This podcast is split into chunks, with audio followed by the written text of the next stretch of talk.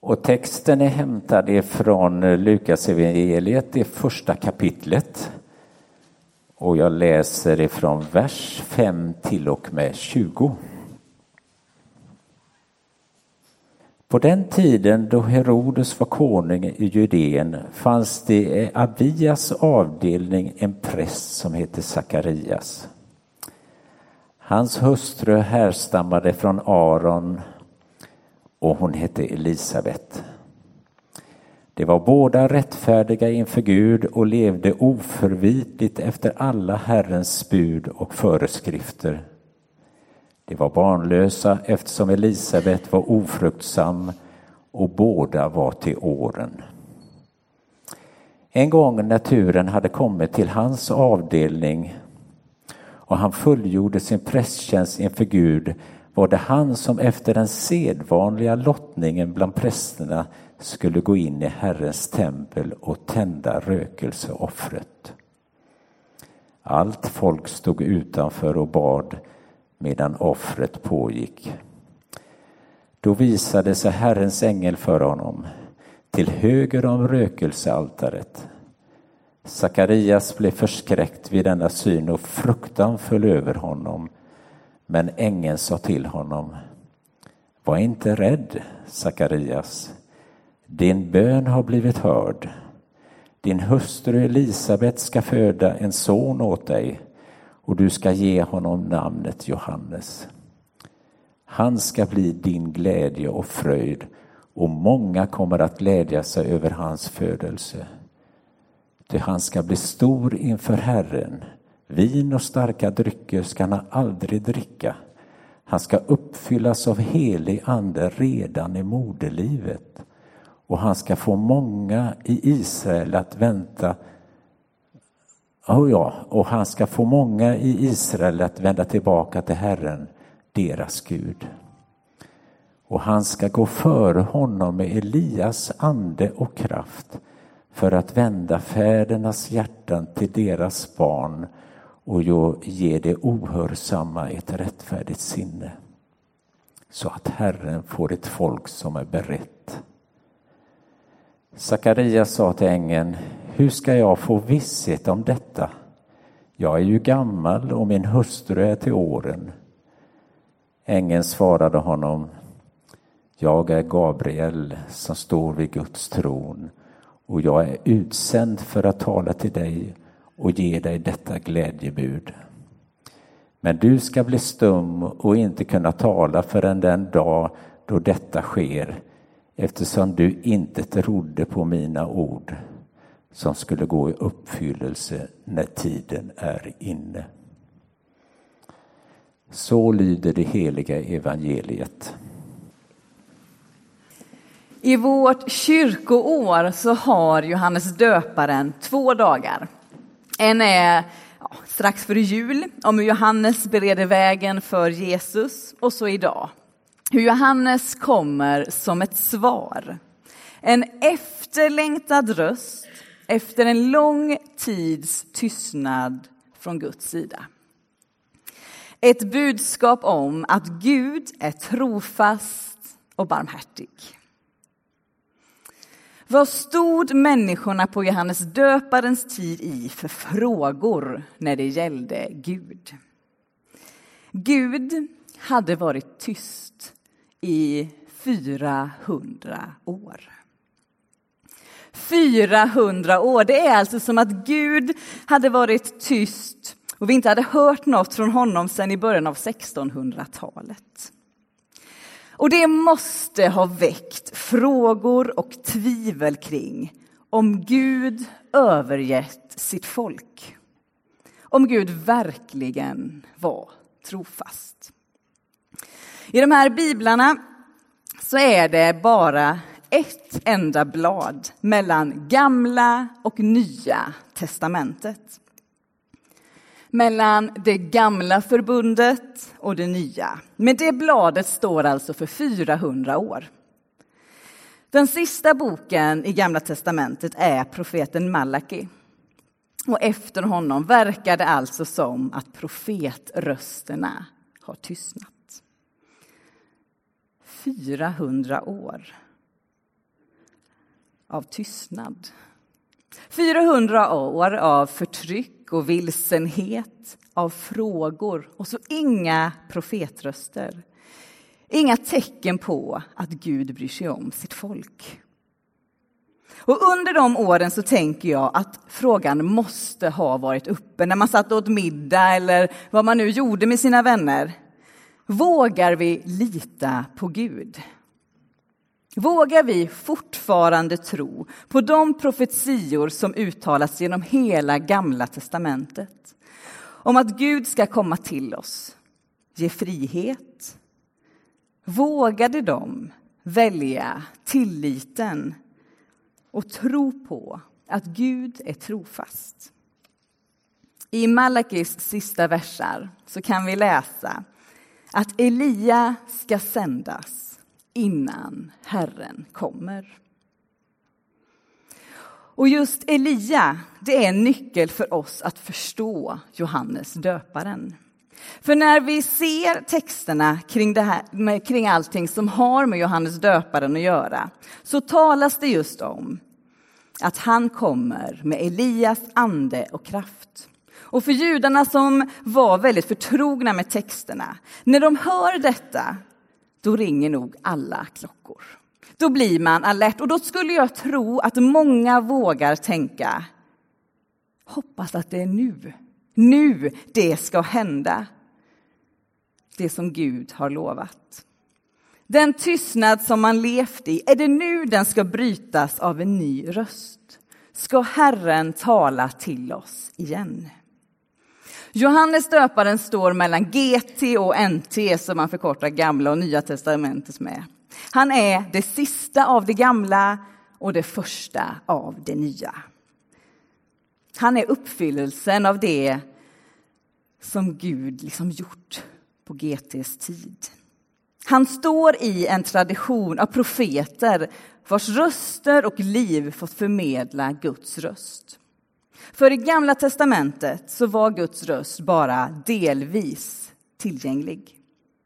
Man kunde höra Guds röst antingen genom institutionerna, eller ska vi kalla det för prästerna, eller genom de vilda profeterna. Och vanligt folk behövde alltså vända sig till präster och profeter för att höra Guds röst. Men i Nya testamentet så är allt annorlunda. Där är Gud själv och Guds röst tillgänglig för alla. Och det är före detta fiskare som först bär ut Guds röst till människor. Och idag så kan vi alla höra Guds röst. I bilen, på bussen, på Liseberg, om du är ung, medelålders eller gammal. Om man är rik eller fattig. Gud är tillgänglig för alla. För Gud har flyttat in i mänskligheten. Men i 400 år så hade man alltså väntat. Vad hade det gett för bild av vem Gud är? Hur många hade inte börjat att ge upp? Sakarias och Elisabet som vår text handlar om, det står att de var rättfärdiga inför Gud. De representerade kärleken till Gud och Guds lag. De hade inte gett upp hoppet om Gud. De valde fortfarande tilliten till Guds barmhärtighet och trofasthet. Och när Sakarias möter ängeln så står det att han blir förskräckt. Och så säger ängeln som änglarna visst säger mest oftast när de möter folk. Var inte rädd. Och sen så berättar han att han och hans fru Elisabets bön har blivit hörd. Att de ska få en son och att han ska få namnet Johannes. Och han ska bli glädje och fröjd, inte bara för hans föräldrar utan för många. Och han ska få många att vända tillbaka till Herren. Och sen så kommer det då som bekräftar att Gud inte övergett sitt folk. Och han ska gå före honom, alltså Jesus, med Elias ande och kraft. Och så kommer svaret på folkets rop efter en befriare, frälsare och det är Sakarias som får ta emot det svaret.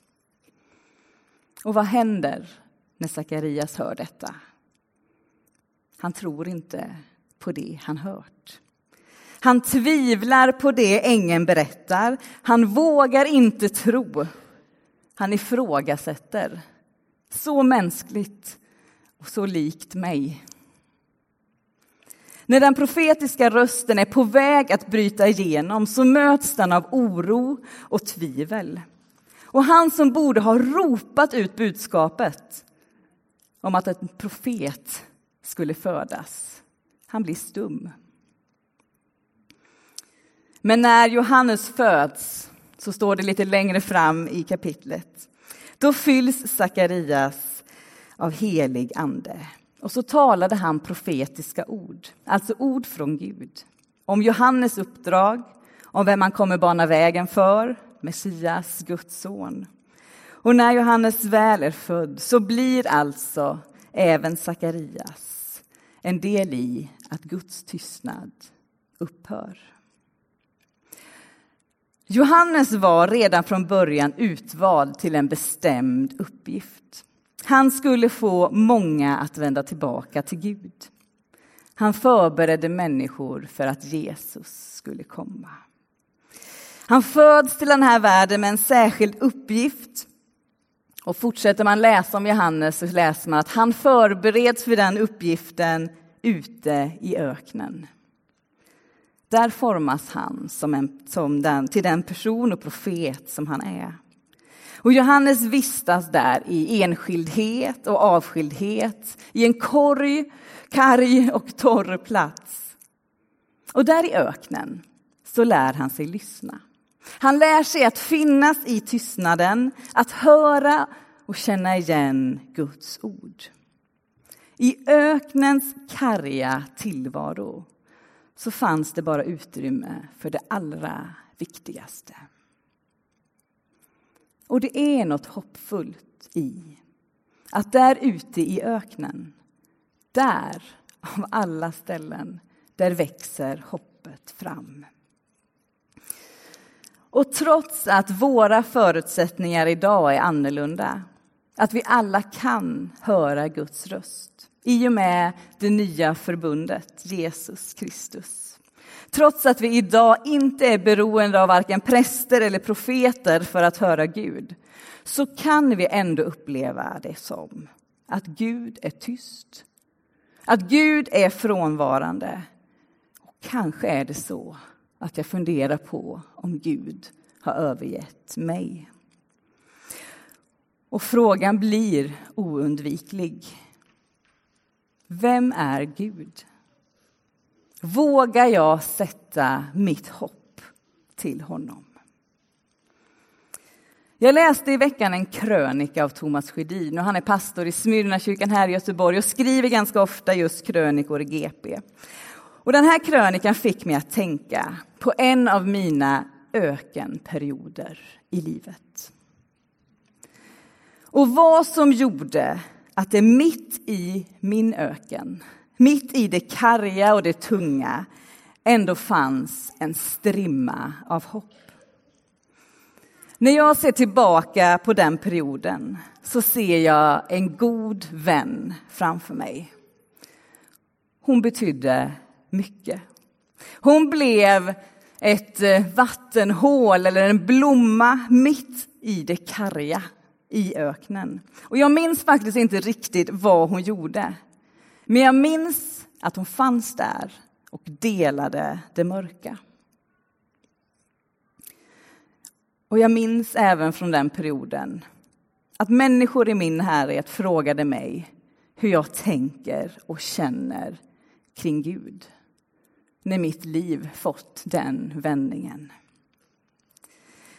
Och mitt svar, och jag var faktiskt ganska så förvånad över det, precis som de som frågade mig, när de hörde mitt svar som var, jag känner mig så buren av Gud.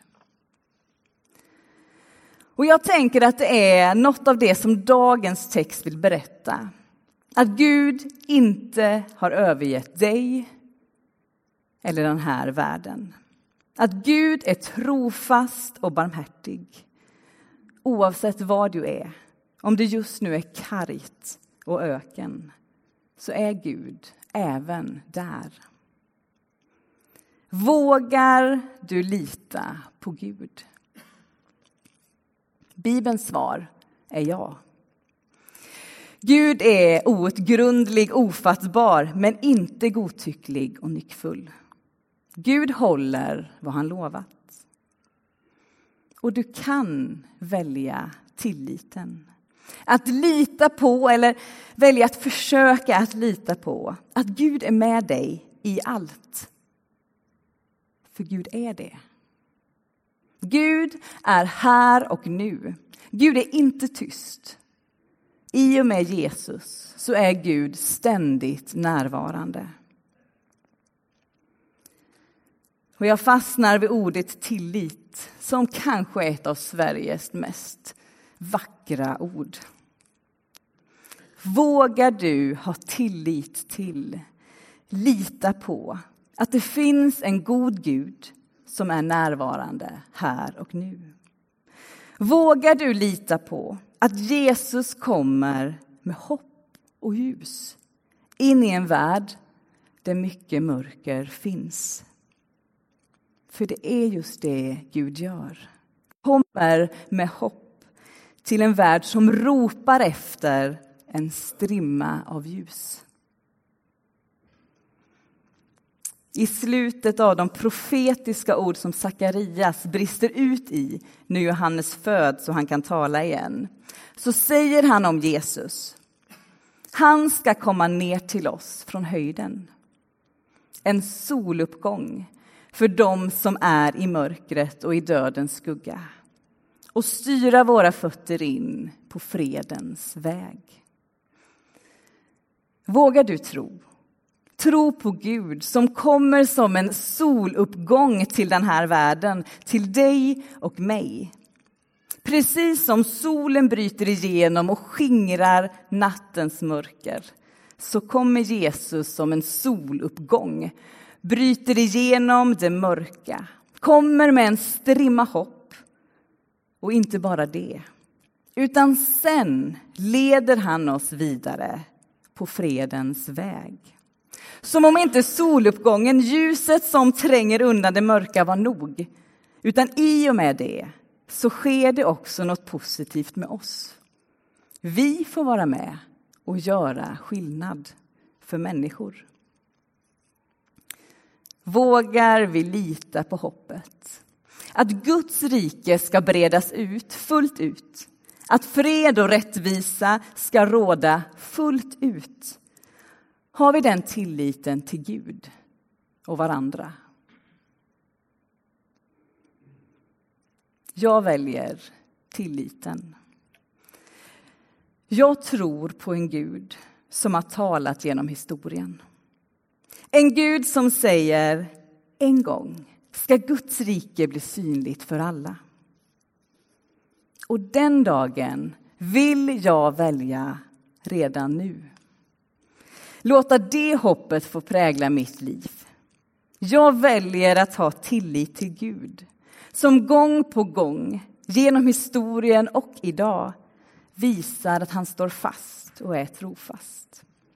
Mycket är ogripbart, men det är en trofast Gud, kärleksfull Gud som tränger undan mörkret och bjuder in dig och mig att inte bara ta del av ljuset utan även vara med och tränga undan mörkret. Så förvänta dig Gud. Att Gud kommer till dig med ljus, hopp och mod. Att Gud vill dig väl, är närvarande och vill leda dig in på fredens väg. Johannes döparen fick vara en del av Guds plan.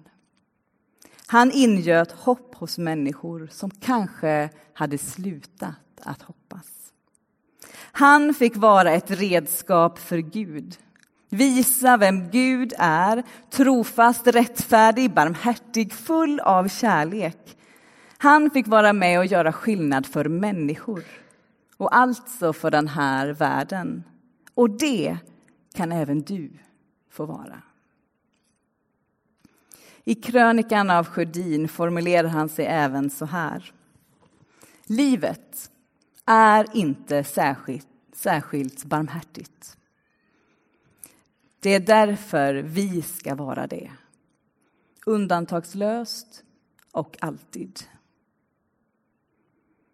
Livet är inte särskilt barmhärtigt. Det är därför vi ska vara det, undantagslöst och alltid. Och jag tänker på Johannes döparens betydelser för människor mitt i livet som inte var barmhärtigt. Ett liv fyllt av förföljelser och förtryck.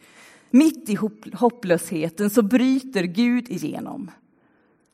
Och Johannes får bli bryggan mellan det som varit och det som nu kommer som förbereder oss på att ta emot Gud in i våra liv och ge vidare av det vi fått. För att fortsätta läsa ur Sjödins krönika. Först i efterhand förstår vi att en smula barmhärtighet eller sällskap kan vara skillnaden mellan vägs ände och vägen vidare. Och att den skillnaden ibland ryms i ett enda namn. Och idag kan det namnet vara namnet på någon av oss. Tänk att du och jag redan idag kan få vara med och ingjuta hopp i en människas liv. Få vara med och bidra till att en annan människa får vara med om att Gud bryter igenom mörkret. Som en soluppgång. Precis som min vän fick vara mitt hopp i min öken. Så när vi möter människor som just nu kanske befinner sig just i det, öknen, så låt oss tillsammans med Gud och varandra vara med och tränga undan ondskans makter, tränga undan mörkret och visa på hoppet. Visa att Gud är trofast, närvarande och vill leda oss in på fredens väg. Psalm 96. Se, han kommer.